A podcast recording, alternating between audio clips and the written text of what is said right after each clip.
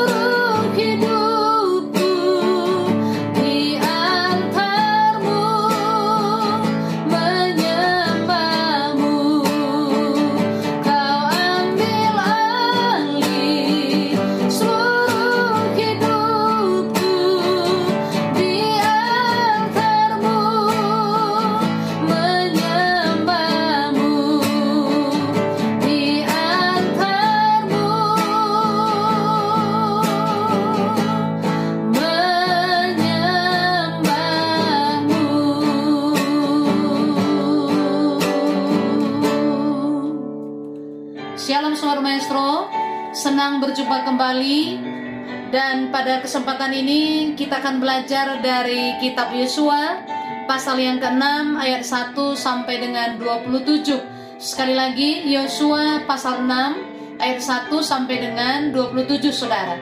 Latar belakang Yosua pasal 6 ini adalah yang pertama jatuhnya tembok Yeriko. Yang kedua, penyelamatan keluarga Rahab. Nah, Saudara, cerita daripada Yosua pasal 6 ayat 1 sampai dengan 27 Saudara adalah Yosua mendapat perintah Tuhan untuk meruntuhkan tembok Yeriko. Lalu Tuhan memberikan sebuah strategi yang tidak seperti biasanya pada waktu bangsa Israel berperang sebelumnya, saudaraku semuanya. Ketika Yosua mendengar instruksi dari Tuhan, hal yang disadari atau hal yang kita pelajari dari Yosua adalah Yosua itu yakin sekali Tuhan pasti genapi, Tuhan pasti sertai.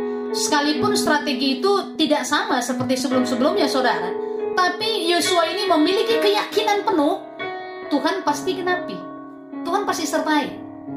Amin, saudara. Bagaimana dengan kita?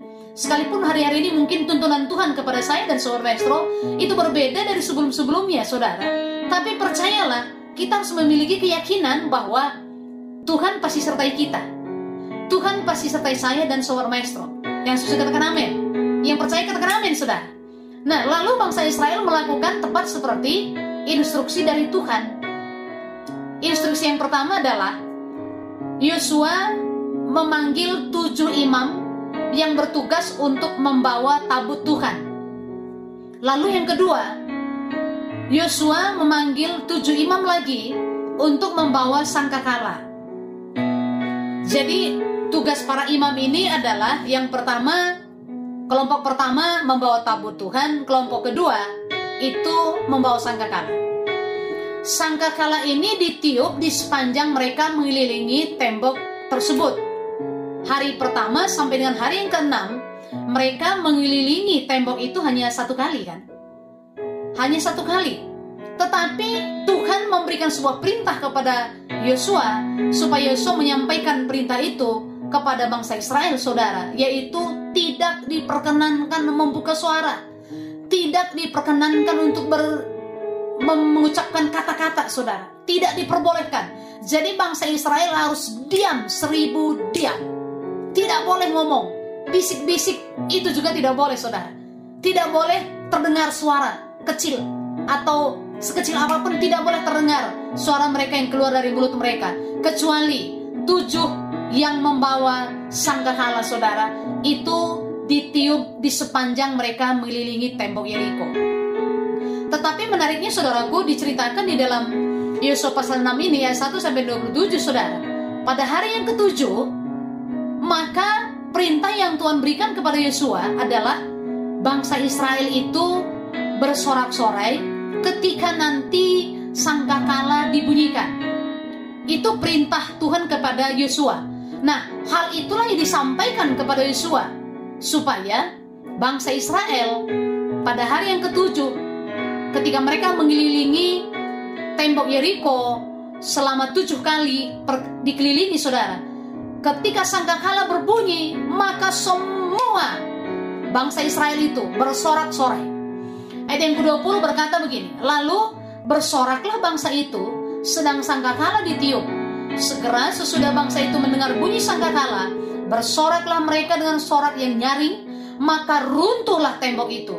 Lalu mereka memanjat masuk ke dalam kota, masing-masing langsung ke depan dan merebut kota itu. Jadi begitu luar biasanya suara mereka pada hari yang ketujuh. Enam hari di, tidak diperbolehkan untuk ngomong kan. Enam hari tidak diperbolehkan untuk mengucapkan kata-kata.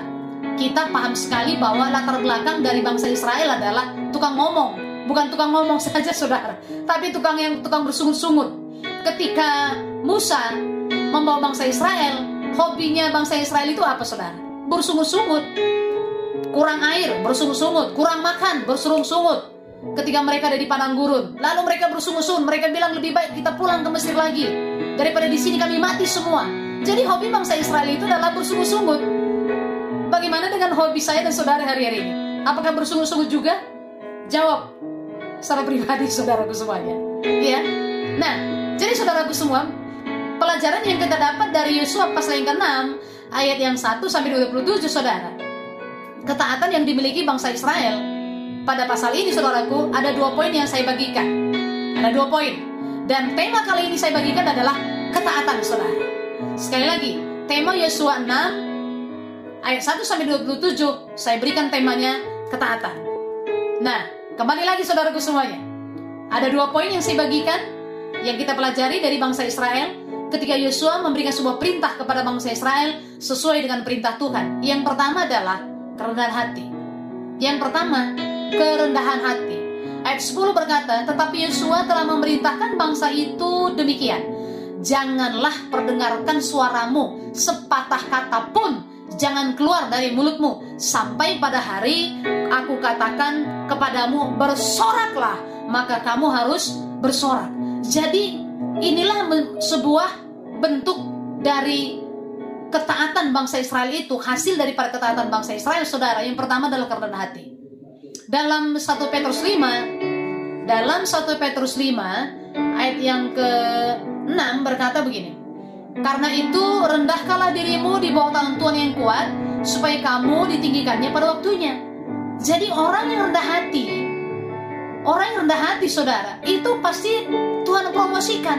Kenapa karena dalam kerendahan kerendahan hati saudara di situ ada ketaatan di situ ada ketaatan saudara di dalam ayat 27 Yosua 1 ayat 27 berkata begini. Dan Tuhan menyertai Yosua dan terdengarlah kabar tentang dia di seluruh negeri itu. Ketika Yosua merendahkan diri di hadapan Tuhan, maka Tuhan mempromosikan Yosua dan nama Yosua termasyur. Nama Yosua itu viral, saudara. Itu terkenal, saudara semuanya. Lalu poin yang kedua adalah mujizat terjadi. Nah, ayat 20 tadi saya sudah baca bagi kita semua saudaraku, mujizat itu terjadi ketika mereka bersorak-sorai, ketika mereka memiliki ketaatan untuk tidak ngomong, saudara, ketika mereka memiliki ketaatan untuk mengelilingi tembok itu, sekalipun mungkin, mungkin hati mereka do, uh, apa ya jengkel gitu ya, uh, dongkol gitu, kok kita nggak bisa ngomong. Tetapi ketika mereka melakukan itu dengan ketaatan, saudara, maka mujizat terjadi. Mujizat terjadi, saudaraku semuanya. Saya berdoa, saya percaya ketika kita memiliki ketaatan akan kebenaran firman Tuhan, maka mujizat terjadi dalam hidup kita. Mujizat di sini tidak identik dengan keadaan kita dari tidak baik menjadi baik. Bukan itu saja saudaraku semuanya. Tapi kemenangan demi kemenangan Tuhan berikan bagi kita dan Tuhan berikan kemampuan kekuatan bagi kita untuk meraih semuanya. Dengan demikian saudaraku, sebagai kesimpulan saudara, dalam ketaatan diperlukan kerendahan hati sehingga saya dan saudara menyadari bahwa mujizat itu Tuhan yang mengerjakannya supaya kita sadar betul bahwa mujizat itu Tuhan yang mengerjakannya. Demikian firman Tuhan, mari sama-sama kita berdoa Bapak Saudara. Bapa dalam surga, terima kasih buat kebenaran firman-Mu. Kami bersyukur kami belajar dari bangsa Israel Tuhan, bahwa kami harus memiliki kerendahan hati.